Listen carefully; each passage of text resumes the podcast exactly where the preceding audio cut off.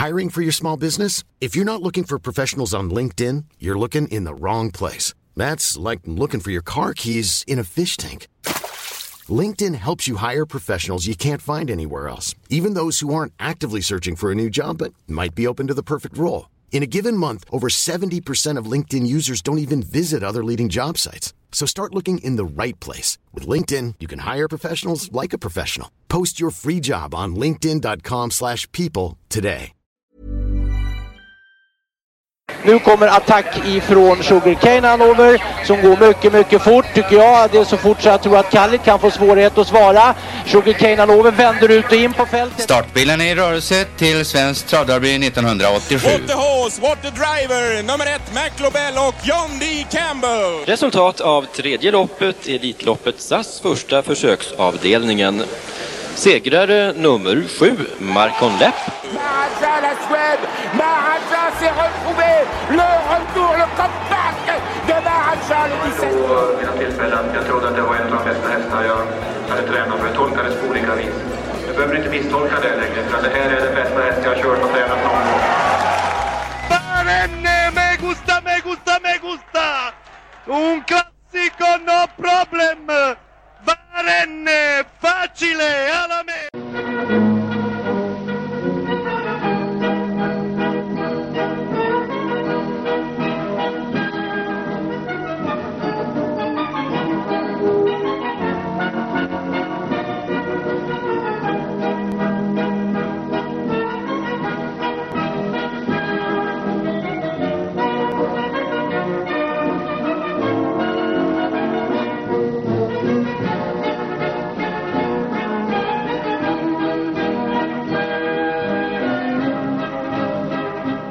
Hej och välkomna till Trottospods podcast. Ännu ett tisdagsavsnitt. Och eh, vad hörde vi väl där? Det var alltså Skånska husarregementets travmarsch. Och varför spelar vi då den? Ja, det är väl för att den kommer att spelas inför derbyt. Derby på söndag ju. Och då, eh, ja, är det ju den som gäller i defileringen till detta stora, stora lopp. Är det den största vi har? Debatteras ju om detta eller? Ja, det kan man ju diskutera. Ja. Debattera Elitloppet, derbyt, kriteriet, eh, Storchampionatet. Nej, men det är klart att eh, om man tittar på Danmark så är väl derbyt det särklass största. Ja, det ser vi ju ett kvitto på varenda år och även eh, nu. Nu såg inte jag någonting från det i söndags måste jag erkänna. Eh, och vet inte då hur publikplatserna såg ut. Men, men ja. Såg ju finalen där. Hade derbyt och eh, Borgås, Göran Borgås. Eh, jag kände som han stod upp och skrek att eh, folket står upp och jublar eller något sånt där. Det, det såg ut att vara mycket folk. Jag vet inte, det brukar inte vara så mycket folk men vi har väl konstaterat sedan många år tillbaka att derbyt är den tävlingsdag i Danmark som mest folk eh, besöker.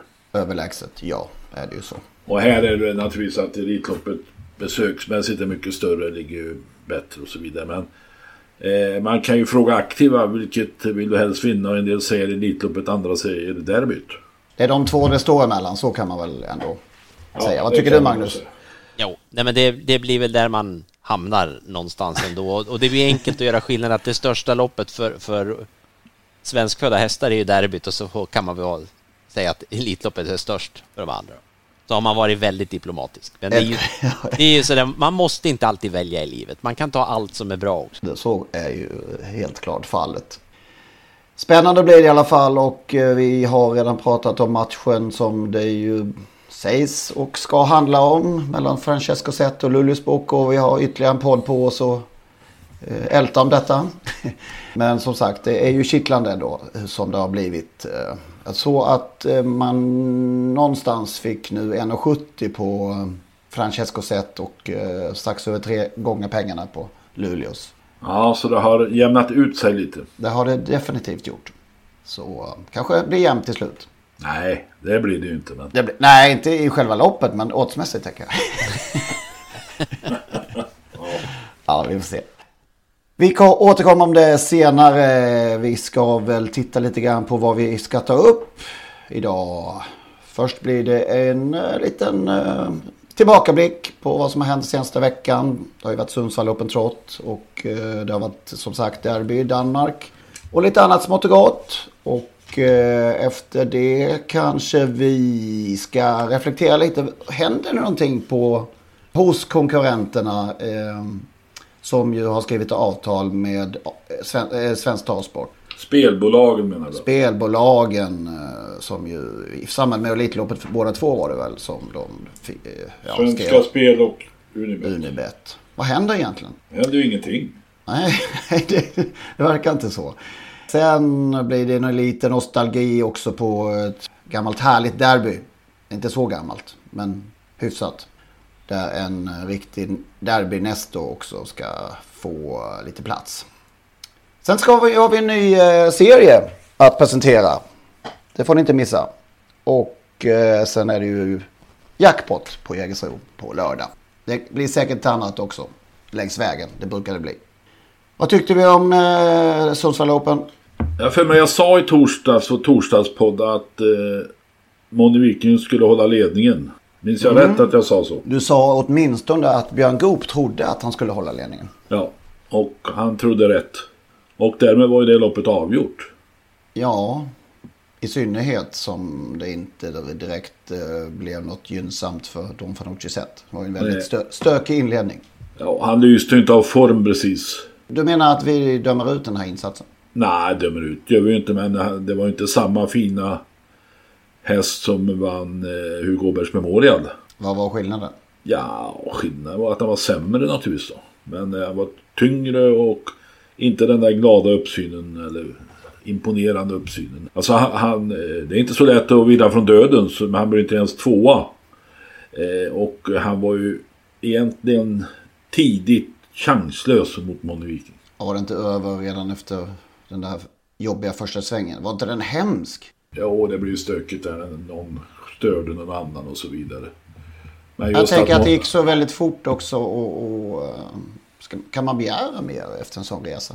Eller är jag för snäll mot hästen? Ja, det är du alltid i och för sig. Men, eh, men eh, ja, för snäll. Man tycker ändå att han skulle kunna utmana Moni Viking en bit in på upploppet. Men nej, Björn satt ju bara och tittade. Men det kanske är så att det var, alltså, och det var ju så att det var omöjligt och ingen hade slått Bonnie Viking eh, som det blev. Eh, sen eh, när han höll ledningen då, kunde, då fanns ju egentligen bara dödens kvar för Örjan Kihlström.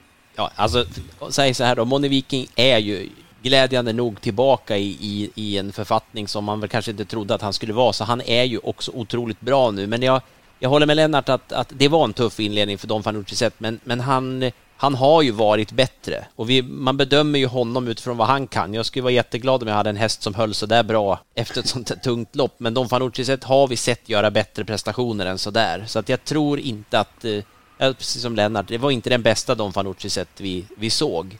Sen om det hade räckt, det är jag nog ganska tveksam till. Jag var betydligt säkrare innan på att det skulle räcka om jag säger så, men Moni Viking är för dagen så bra så det är tufft att, att rubba honom för de flesta tror jag. Och därmed ytterligare en stor tränartriumf för Björn Goop. Vilket är augusti. Ja, miljon, miljonsegrar hela tiden. Som, Mm. både tränare och kusk. Ibland bara kusk. Men ja, han har verkligen fått snurr på hjulen. De hjul som vi ju spekulerade kring. Ja, de gick ganska trögt under hela vintern och våren. Men Och vi spekulerade ju bara för en vecka sedan att hur länge håller hjulen på. Kan ni lyssna på i, som sagt, förra tisdagsavsnittet, tror jag. Om någon har missat. Ja, kan man säga någonting mer kring själva Sundsvall Open Trot löpningen? jag noterar att eh, Rickard Skoglund fick... Han störde väl då Best of Dream 3 om jag förstår det rätt. Och det kostade 11 000 kronor. Ja. Nej, Vi har pratat om de höga böterna förut och ja, här kanske det är rätt. Jag vet inte. 11 000 är mycket pengar. Ja. Ja, han, Även- förstörde ju dagen, han förstörde ju dagen för Ja. Best of Dream Trio i alla fall där och, och Kim Eriksson var ju återhållsamt jättearg efteråt.